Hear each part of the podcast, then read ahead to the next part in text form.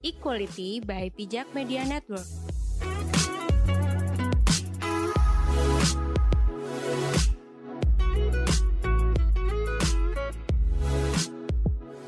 Halo, mungkin teman-teman udah dengar kali ya episode sebelumnya, episode ke-14. Nah, khusus di episode ke-15 ini, aku Dinda Safira bersama dengan Zahra, masih orang yang sama. Iya, masih akan orang yang membahas sama. soal tentang gender, tapi ini fokusnya tentang kesetaraan Ha, gender. ha. Dan kenapa sih kita tuh butuh banget kesetaraan? Apakah kesetaraan itu sama dengan kesamaan? Hmm. Nah, sebelum kita cap cip cup, mungkin teman-teman bisa apa ya, bisa mulai memahami sedikit dulu bahwa hakikatnya tuh manusia tuh sama ya. Iya benar. Hakikatnya tuh sama, tidak ada yang berbeda ya mau Hmm. kamu dari orang mana atau apa pun latar belakangmu, tapi kamu tuh sama.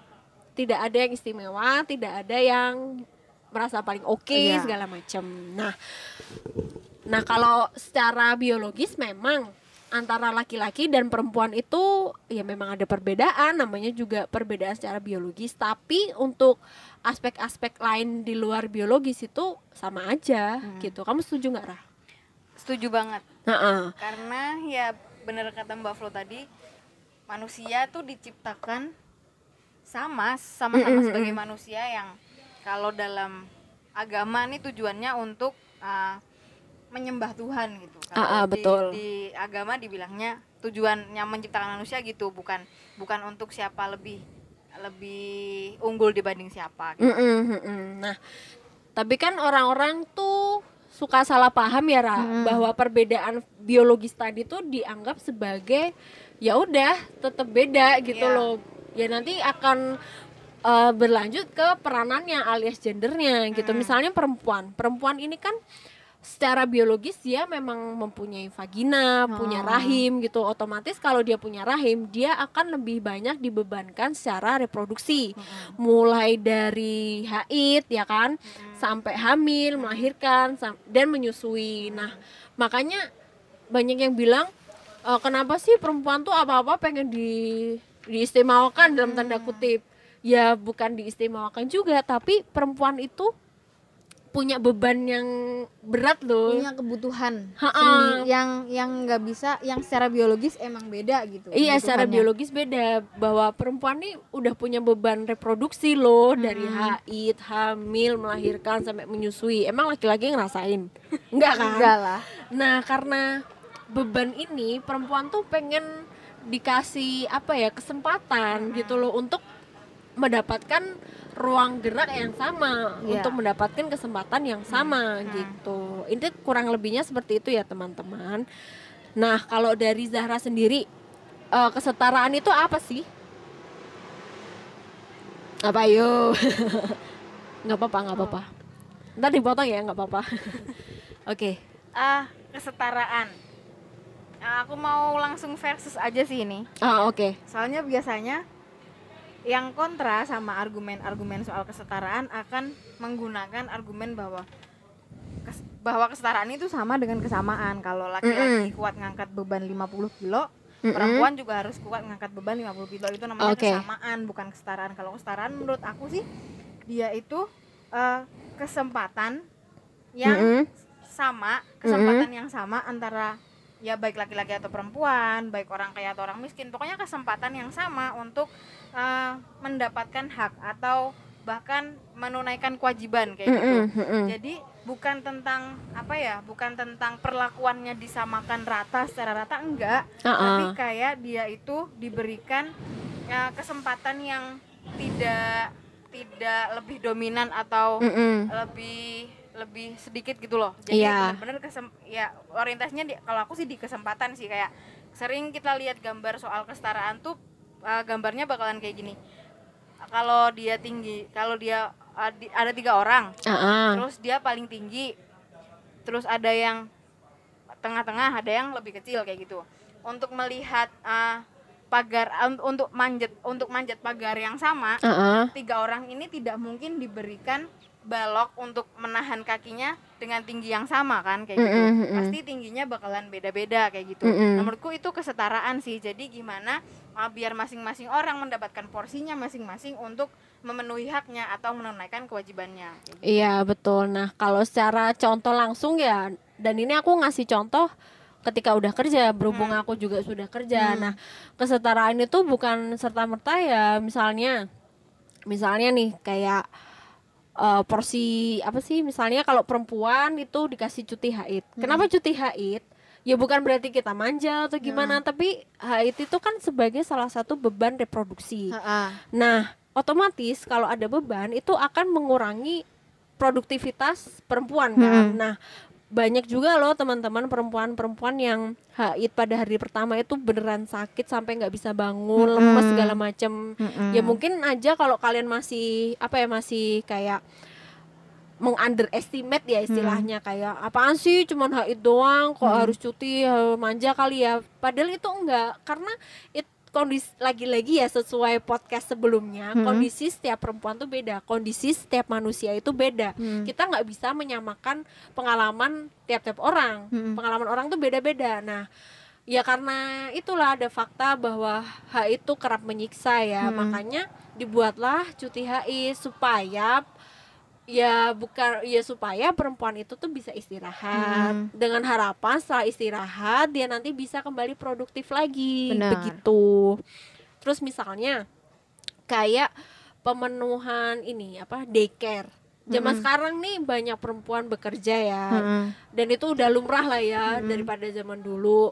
Nah, tapi bekerja ini tuh ya kita harus menganggap bahwa perempuan itu sebagai seorang pekerja, bukan pekerja sampingan ya. Mm-mm. Istilahnya kayak nambahin gajinya suami Mm-mm. itu enggak. Ya perempuan tuh tetap pekerja gitu. Mm-mm. Tapi karena dia punya beban reproduksi, dia udah melahirkan nih, dia Mm-mm. punya anak, nanti nggak ada yang jaga anak, dia bawa anaknya ke kantor, tapi kantor itu sebaiknya yang menyediakan daycare gitu loh. Hmm. Jadi siapa tahu nanti kalau misalnya menyusui ya perempuannya tuh tinggal ke tempat daycare-nya itu Hmm. gitu loh. Karena memang beban itu. Nah, itulah yang harus ditu- didukung teman-teman Hmm. bukan berarti alah manja amat sih ini bukan gitu karena beban reproduksi tadi yang sudah aku bicarakan dari Iya. awal Hmm. kita tuh secara biologis tuh memang beda bukan berarti Hmm. harus harus disamakan kadang tuh ada jokes jokes gini loh Ra. kayak Allah katanya mau kesetaraan itu tuh coba benerin antena di genteng gitu. Iya. ya bukan kayak gitu maksudnya atau enggak kayak eh, itu tuh coba eh, angkat beban segini-gini. Enggak gitu secara biologis memang laki-laki dan perempuan itu berbeda. Mm-mm. gitu. Sampai sini paham ya teman-teman.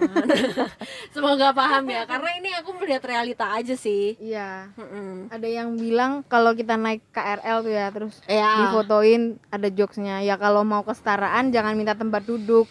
Aduh konteks minta tempat duduk tuh bukan karena kita mau manja ya sama kayak Mbak Flo tadi sih. Nah, ya kita nggak tahu apa yang sedang dirasakan. Mungkin dia lagi haid hari pertama atau gitu loh. ah, dia tuh ah, untuk memenuhi kebutuhannya bukan karena ingin dilebihkan kayak gitu. Ah, ah.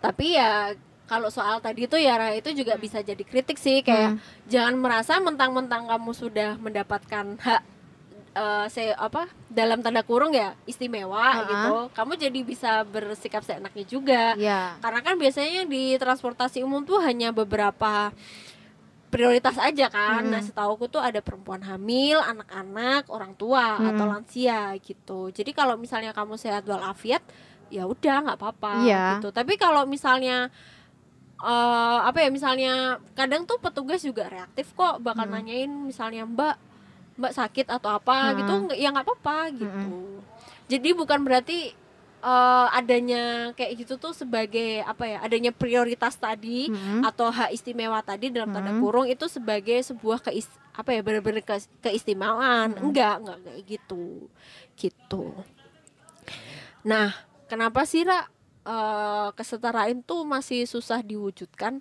sampai sekarang sih meskipun udah banyak wacana-wacana ya di luar sana Ah, banyak banget sih sebabnya. Ada yang ada yang aku ah, melihat orang-orang yang menolak untuk mewujudkan kesetaraan tuh argumennya banyak. Ada yang dia bilang kalau nggak sesuai sama nilai agama itu yang paling banyak iya oke. Terus abis itu dia bilang kalau nggak perlu kesetaraan kita bisa kok kerja bareng. Maksudnya uh, melakukan sesuatu dibagi ya biar mm-mm. pembagiannya nanti akan seperti apa nggak tahu. Ah, ah. nggak perlulah pakai kesetaraan. Jadi maksudnya dia menolak uh, nama kesetaraan. Tapi Oke. sebenarnya mau sama substansinya kayak gitu. Nah, oke. Kayak gitu sih. Ah kalau yang menolak ya kalau yang lain aku belum begitu tahu. Tapi dua dua hal itu yang selama ini aku lihat di sosial media terutama. Oh, kalau aku sih melihatnya mungkin kalau nggak tahu ya ini mungkin karena pengalaman pribadi aja sih. Hmm. Jadi beberapa tuh terutama laki-laki tuh kayak merasa kalau perempuannya lebih maju ya itu merasa kayak tersaingi. Heeh. Jadi pernah ada tuh seorang istri yang dilarang bekerja bukan karena suaminya memang sudah mampu untuk menafkahi sampai ya sudah besok besoknya Ah, terus? tapi ya karena nggak mau merasa tersaingi aja gitu Oh. dan dan itu tuh terjadi di kehidupan nyataku gitu Mm-mm. Jadi ya kalau misalnya memutuskan untuk tidak bekerja tuh ya nggak apa-apa tapi kan harus dibicarakan bersama Iya. bukan karena kayak opresi gitu oh, ya. superioritas itu Mm-mm. nah kalau superior gitu tuh ujung-ujungnya juga nggak baik sih karena ya ujungnya nanti yang susah dirimu sendiri Iya eh, apa ya harusnya sesuatu itu bisa dikerjakan bersama iya jadi betul jadi untuk memenuhi superioritasnya itu Heeh. jadinya nggak bisa nggak bisa dibagi bareng-bareng gitu Iya betul. Nah kadang ya karena superioritas itu kan muncul karena paham masyarakat ya. Hmm. kayak ya laki-laki itu adalah tulang punggung keluarga, laki-laki itu Hmm. adalah pencari nafkah gini-gini. Nah tapi sebe- seperti yang sudah kami bahas di podcast sebelumnya, eh, pencari nafkah, tulang punggung segala macam itu tuh hanya pembagian peran gitu. Jadi peranan itu memang bisa dibagi. Iya, atau bahkan bisa dibalik. nggak ada masalah kalau memang yang laki-laki uh, dia lebih mau atau lebih berkeinginan untuk di ranah domestik aja, Ah, ah, lebih banyak oke. lebih banyak ngurus anaknya, lebih banyak Mm-mm, di rumah. mm-mm. Itu nggak perlulah dijudge kalau kamu laki-laki kok nggak cari duit sih kayak gitu. Ah, ah, oke. Nah, terus kan juga ada tuh ya pemahaman-pemahaman lama sih kayak perempuan tuh harus santun, harus patuh, apalagi kalau sama suami ya harus nurut segala macem gitu kan. Ya, aku sih rodok nggak masuk ya ini di aku. Maksudnya, oke lah kita, oke lah aku setuju dengan pemahaman istri eh, patuh dengan suami, tapi jangan dijadikan kepatuhan itu sebagai hal yang mutlak karena aku merasa hal yang mutlak itu tidak bisa kita aplikasikan kepada manusia karena itu jatuhnya penghambaan. Mm-mm. Ya bagaimana bisa kita itu menghamba sama manusia, Sama manusia. yang ciptaan Tuhan gitu loh. Mm-mm. Kita kan ya karena aku masih percaya agama ya ini. Iya. Aku aku berpikir bahwa ya penghambaan itu ya hanya buat Hanya Tuhan buat Tuhan. aja gitu. Jangan dilakukan untuk manusia meskipun itu orang tua atau Iya. suami sekalipun Mm-mm. toh semuanya bisa dibicarakan kok bareng-bareng kalau nggak mau bicara ya berarti situ aja yang bebel nggak mau bicara lagian diskusinya baik-baik kok Iya. Mm-mm. gitu nah kalau dari kamu nih Ra, kamu Hmm. ada cerita-cerita atau pengalaman gitu ya yang menyangkut soal kesetaraan gitu Ah, mau nanggepin dulu nih argumen oh ya satu betul yang betul tadi. boleh boleh boleh Kalau perempuan itu ini Mbak Kalis bilang gini, oh ya perempuan itu seolah-olah seumur hidupnya milik laki-laki. Hmm. Sebelum menikah milik ayahnya, Ah, ah. sudah menikah milik suaminya. gitu. Padahal dia lahir apa namanya melahirkan ya dia yang ngerasain, haid juga dia yang ngerasain. iya betul Yang merasa memiliki pun nggak nggak ikut merasakan gitu loh. Ah, ah. Terus soal yang tadi uh, bilang kalau perempuan ya ya nggak apa-apa perempuan itu harus nurut sama suami. Ya itu nanti bakalan dibawanya ke ridho suami itu adalah jalan surga untuk perempuan gitu kan. iya oke Tapi argumen itu nggak pernah disampaikan secara lengkap sayangnya. Mm-mm. Argumen itu harusnya tuh kayak gini, pernikahan itu salah satu prinsipnya pakai bahasa Arab nggak apa-apa ya. oh nggak apa-apa nggak apa-apa Antara minhum saling ridho atau saling rela antara keduanya. Jadi Hmm. ya istri rela sama suami ya suami rela sama istri gitu loh. Mm-mm. Jangan cuman salah satu aja. Namanya pernikahan nam- namanya relasi tuh ya dua-duanya ya saling apa ya sa- saling saling rela saling ah. memberikan masukan kayak gitu ah, betul. ya kayak gitu sih mbak Oke, makanya kan muncul ini ya wacana tentang relasi kuasa Heeh. bahwa ada salah satu pihak yang seringnya itu adalah laki-laki merasa derajatnya itu paling tinggi, Mm-mm. sedangkan perempuan itu kan selalu jadi enggak selalu sih, tapi hampir selalu jadi warga kelas 2 yang Ya. terpinggirkan yang di, tidak didengar suaranya kayak gitu. Nah, oh iya. Aku mau nanggepin omongan Zahra soal yang tubuh perempuan itu bukan milik dirinya gitu ya Hmm.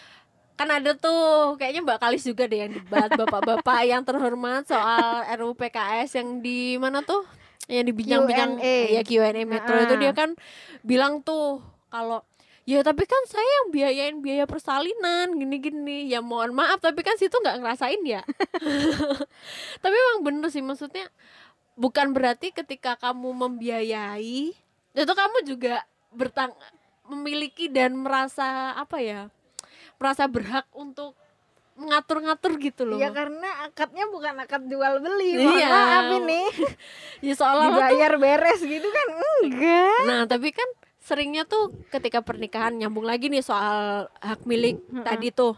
Seringnya kan kalau akad itu adalah transaksi. Heeh. Dalam kasarnya sih transaksi jual beli ya, bahwa dari si bapak ketika ngasih apa ketika menjabat tangannya si calon suami Heeh. itu sudah mentransfer anak perempuannya ke calon suami gitu. Ini aku ngomongnya bukan kasar atau gimana tapi biar paham aja ya Iya. gitu. Nah padahal kan nggak gitu. Pernikahan itu kan ya muncul karena kesepakatan toh. harusnya Ya, Harusnya sih begitu. Bukan berarti pemindahan tanggung jawab dari Hmm. bapak ke suami itu bukan. apalagi pemindahan hak milik ya kan Iya bukan karena ya tapi gimana yang perempuan tuh sering dianggap properti sih. iya bener Gimana dong? Susah. Maksudnya ya gimana? karena itu dianggap kalau ya kamu tuh sebelum menikah milik ayah Oh, oh. sudah menikah milik suami ya kapan saya memiliki diri saya sendiri Iya, padahal situ tuh nggak ngerasain apa yang kita rasain Mm-mm. gitu loh. Oke, nah menurut kamu nih Ra, ke- apa sih yang bisa kita lakukan Mm-mm. di kehidupan nyata, terutama untuk mewujudkan kehidupan yang setara? Ya sebelumnya kalau mau bahas ketimpangan terjadi itu kenapa gitu juga nggak apa-apa. Ah, ketimpangan terjadi kurang lebih ya kayak tadi sih Mbak, kayak tadi relasi juga sih. relasi kuasa terus habis itu dibungkus dengan agama ya kan Mhm, dalam agama kamu tuh harus menjadi perempuan yang membawa suaminya ke surga nggak bisa apa jalan ke surga sendiri gitu Iya. kayak gitu terus ya sebab ketimpangan bisa jadi soal eh apa namanya konstruksi yang udah diwariskan turun temurun bahwa Ah, ah. ya emang perempuan tuh takdirnya walaupun kita udah bahas di podcast sebelumnya yang namanya Uh-uh, takdir tuh nggak uh-uh. kayak gitu tapi masih orang masih banyak orang memahami bahwa takdir perempuan tuh ya di belakang ya di rumah Mm-mm. ngurusin suami kayak Mm-mm. gitu Tapi kira-kira menurut kamu eh apa takdir wacana soal takdir ini munculnya dari apa sih? Karena setauku ya Mm-mm.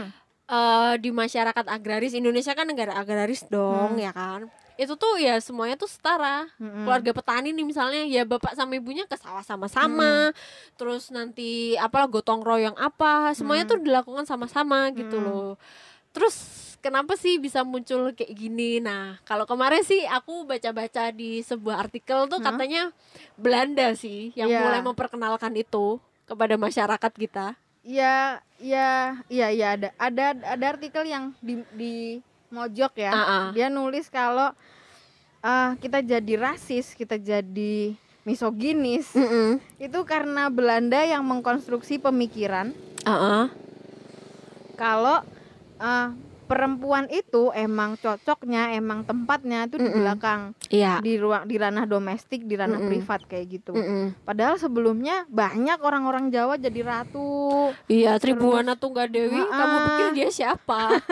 Ratu Majapahit loh. iya terus eh, karena karena Belanda mengkonstruksi itu membawa nilai-nilai itu dan orang-orang yang dijajah kita sebagai orang yang dijajah menganggap kalau itu tuh suatu apa ya suatu kebenaran gitu loh wah iya ya kayaknya perempuan tuh idealnya begitu ya terus itu diadopsi secara Mm-mm. terus menerus sampai sekarang kita menganggap kalau ya emang begitu perempuan harusnya kalau yang kalau nggak kayak gitu berarti menyalahi dirinya sebagai perempuan gitu Berarti sudah merasuk ke pikiran Eh, kita iya. ya secara tidak se- sadar. se- sampai alam bawah sadar pun merasa bahwa ya udah kalau ih kok enggak kok, kok kok perempuan kayak gini ya gitu Ah, ah, sampai ah. ada kayak gitu Mm-mm, betul betul. Oke, nah dari tadi kan kita bahasnya yang jelek-jelek mulu ya. ya emang benernya gitu sih kita memaparkan yang jelek-jeleknya dulu, baru kita kasih solusi. Heeh. Tapi kalau kritik doang juga nggak apa-apa sih, kan bebas berpendapat sebelum pendapat dilarang kan. iya sebelum Oke. dibikin RUU nih Iya. Nanti kalau ada yang komen soal RUU mungkin akan kita agendakan ya di Iya. bahasan selanjutnya. Mm-mm. Ya semoga saja ini hanya omong kosong belaka. Oke. Eh, menurut kamu nih, Ra, apa yang bisa kita lakukan setidaknya untuk Mm-mm. mewujudkan kehidupan yang setara di ya di sehari-hari aja gitu. Ya melawan sih, jangan cuman mendem terus diem aja. Ih harusnya nggak gitu sih, terus kita pergi. Itu nggak akan menyelesaikan apa-apa. Mm-mm. Banyak hal yang bisa kita lakuin yang kecil-kecil. Contohnya kayak ini pengalaman aku sih beberapa hari Ah, yang ah, lalu ah. soal pemilihan ketua di suatu organisasi. Ah, ah, Kemudian oke. ada yang usul. Kita ajuin aja, calonin aja semua yang laki-laki. Wah tergerak itu hati. Wah kenapa nih laki-laki harus jadi ketua gitu kan? Ah, ah. Terus ah, aku jawab gini waktu itu.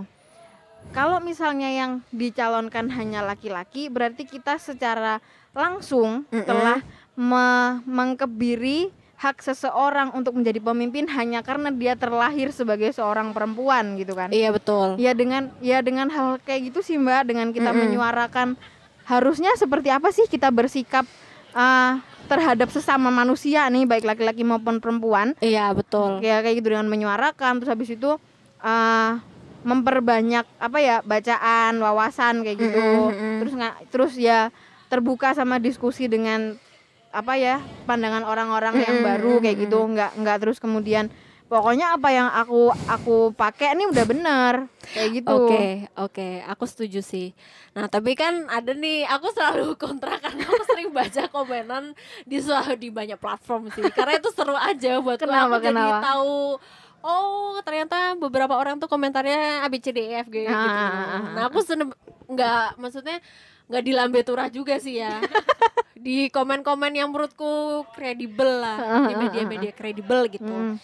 ada yang bilang lah nanti kan kalau melawan dosa Hmm, lagi yang hmm. dibawa-bawa tuh agama gitu loh menurut Hmm. kamu gimana Ra? apakah ketika Ah. kita menentang Hmm. menentang itu menentang dalam artian maksudnya menentang apa nih misalnya kalau tiba-tiba misalnya nih suami Hmm. Kit- kenapa aku bahas suami karena yang paling sering ya itu yang paling sering gitu ya Eh, misalnya suami nyuruh kamu di rumah aja tapi nggak ada alasan apa-apa dan Mm-mm. kamu harus menuruti itu Mm-mm. Nah, kalau kita menentang nanti dibilang dosa. Nah, menurut kamu gimana? Apakah kamu setuju dengan term ini atau gimana?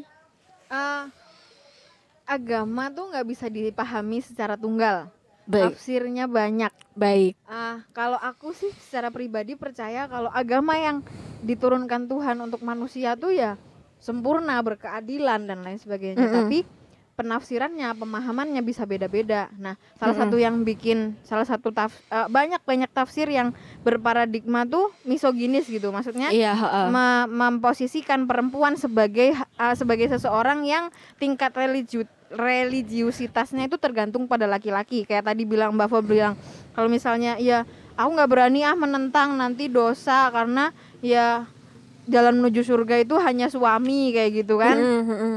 Nah, itu sebenarnya uh, udah beberapa beberapa ulama udah mem- mencoba me- merekonstruksikan itu gitu loh. Merekonstru- merekonstruksikan pemahaman ayat bahwa yang berdosa ketika menentang itu nggak cuma perempuan ke laki-laki tapi juga laki-laki ke perempuan apabila Mm-mm. cara menentangnya nggak baik tanpa diskusi terus Mm, mm, mm. ah, dengan dengan cara yang apa ya cara-cara yang tidak baik terus ah, diskriminasi dan lain sebagainya. Ah, ah, Ta- tapi itu nggak ada hubungannya sama ya udah pokoknya jadi perempuan yang baik tuh yang nurut sama suami nggak kayak gitu. Mm, mm, mm, banyak mm, banyak tafsir yang sudah mulai bergerak ke arah sana sih mbak. Ah, gitu. oke. Nah, kalau aku sih percayanya ya karena aku tidak belajar belum belajar agama Hmm. secara mendalam tapi Hmm, ya aku percaya aja sih kan ayat pertama yang diturunkan tuh kan ikro ya. Heeh. Ikro tuh kan artinya bacalah. Mm-mm. Which mean kita kan Ha. membaca supaya kita tahu, kita Ha. berpikir. Nah, kalau soal penghambaan tadi nih, berarti penghambaan kan berarti mutlak tuh. Mm-mm. Kita misalnya sama manusia, misalnya kayak tadi cuma disuruh aja kamu harus nurut. Hmm. Kalau kita nurut-nurut aja tuh bukankah kita tuh apa ya kayak istilahnya tuh kayak kita tuh malah membiarkan diri kita tuh terbodohi gitu Ha. loh. Karena bukankah dengan kita bertanya, Mm-mm. bertanya kan ya bisa baik-baik toh. Iya. Bertanya misalnya emang kenapa kok aku du- cuman boleh di rumah aja.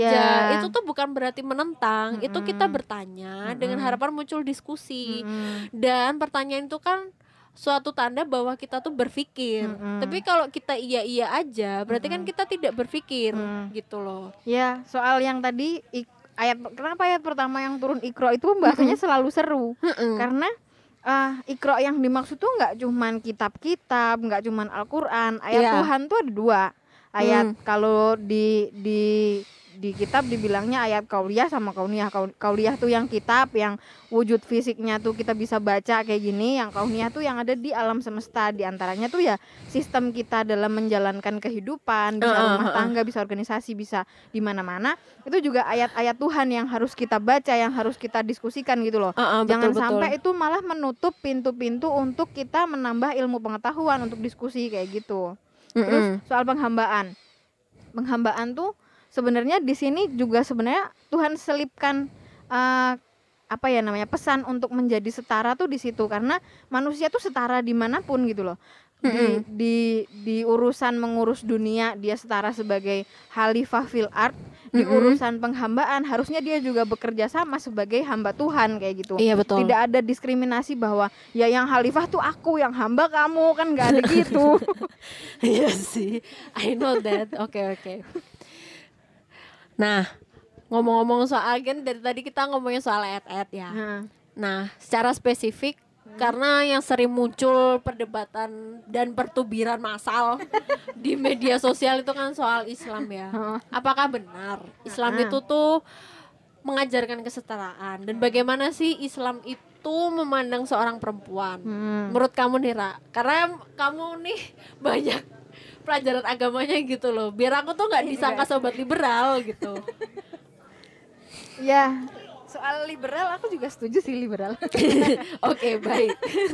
nggak jadi ngomongin soal gimana Islam memandang kesetaraan gender balik lagi ya tadi agama nggak bisa di kita pandang secara tunggal oh Islam tuh kayak gitu nggak bisa karena Mm-mm. bisa jadi eh, orang-orang yang sedang menyuarakan Islam itu dengan sudut pandang dia, latar belakang dia, banyak hal yang melatar belakangi kemudian dia menggunakan penafsiran seperti itu. Tapi kalau menurutku sendiri nih, Islam Mm-mm. diturunkan Tuhan dengan kata Islam salam keselamatan kayak gitu, Ah, eh, seharusnya mestinya dia itu agama yang eh, setara, agama yang adil, agama yang menuju pada apa ya, menuju pada kesempurnaan lah kayak gitu. mm-mm, Tapi mm-mm. uh, soal gimana Islam memandang perempuan itu juga beda-beda. Ada yang bilang kalau uh, ya Islam tuh nggak adil sama perempuan. Buktinya boleh tuh istrinya empat. Buktinya boleh tuh apa namanya waktu itu perbudakan uh, budak perempuan halal Iya, kayak gitu-gitu. Tapi ada juga yang memandang kalau uh, buk lah enggak Islam tuh sangat memuliakan perempuan. Buktinya ada surat An-Nisa kayak gitu. Ah, ah, Tapi ah. menurut aku uh, aku aku ngutip dari Ibu Nur Rofiah ya. Beliau Ya, itu oke. seorang profesor tafsir di Mm-mm, Indonesia. Teman-teman Mm-mm. bisa cari sendiri siapa beliau. mm-mm. Beliau bilang kalau Islam adalah agama yang uh, sangat adil terhadap laki-laki maupun perempuan kayak Oke. gitu. Paradigmanya seperti apa? Jadi Islam tuh uh, kayak misalnya kita ambil contoh ayat poligami. Mm-mm, Kenapa mm-mm. sih waktu itu Islam me- membuat regulasi soal poligami? Oke. Itu ada konteksnya, tidak ada Mm-mm. sesuatu yang turun di ruang hampa kan? Iya. Konteksnya pada saat itu orang bebas menikah dengan berapapun manusia gitu, tidak ada Mm-mm, batasannya. mm-mm, mm-mm. Maka kenapa Tuhan bikin batasan empat aja deh, udah kayak gitu. Mm-mm, mm-mm. Tapi sebenarnya goals apa yang ingin dicapai di situ? Ayat selanjutnya bahas kalau kamu tuh nggak akan mampu adil satu aja. Jadi semangatnya, spiritnya sebenarnya adalah untuk monogami gitu loh. Iya, Tapi kenapa ha-ha. waktu itu ada ayat poligami?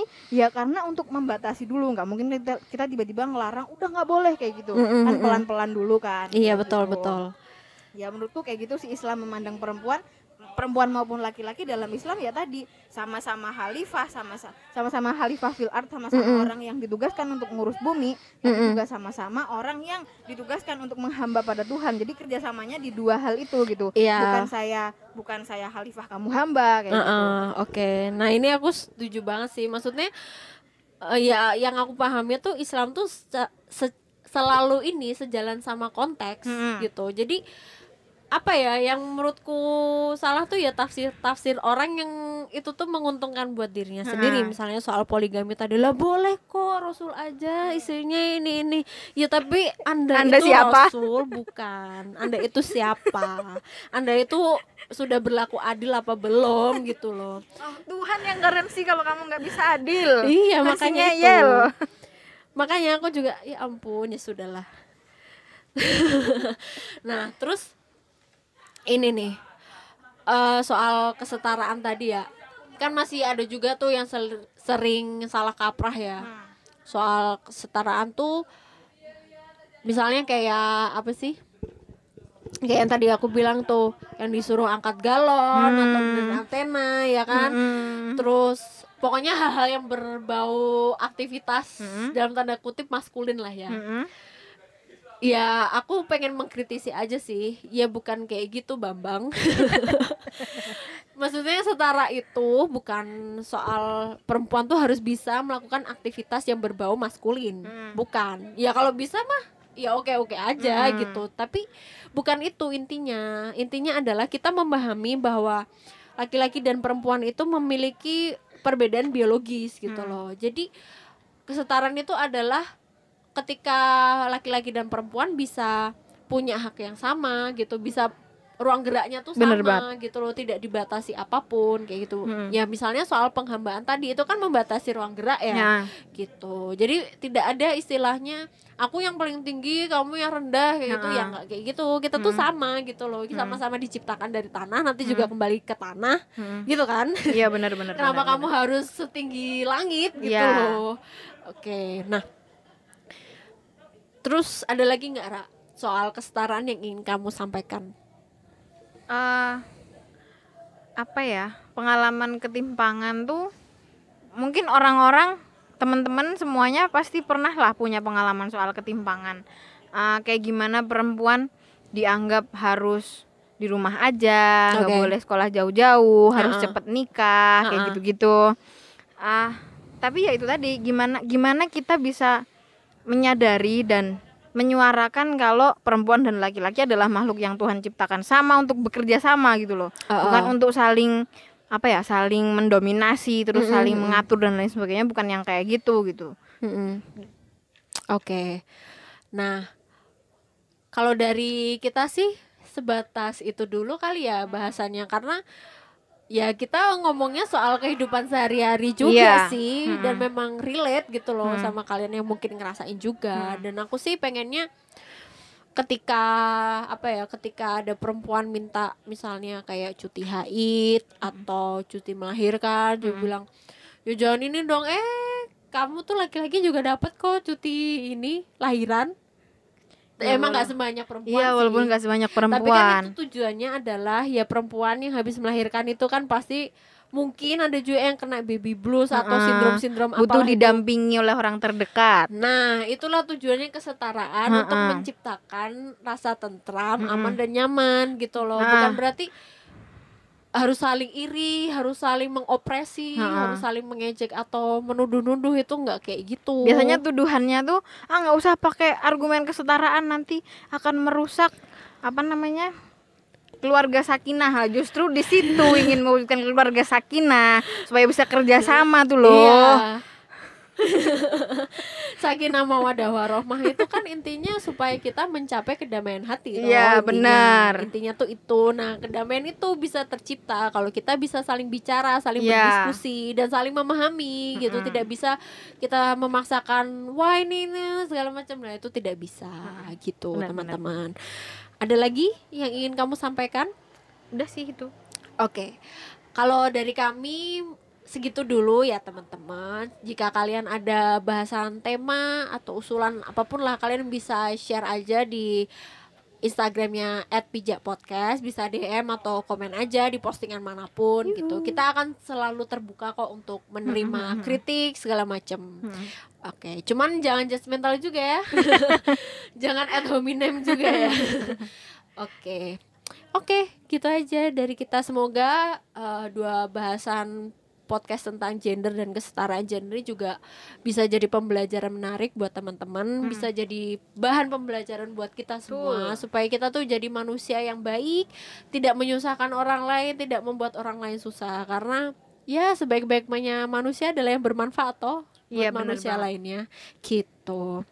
Oke, terima kasih Zara sudah menemani Sama-sama. Terima kasih juga untuk teman-teman yang sudah setia mendengarkan. Jangan lupa untuk terus dengarkan Equality di Spotify, Google Podcast atau di Anchor atau di apa tuh namanya? SoundCloud gitu. Dah, gitu aja deh. Bye bye. See you on the next episode.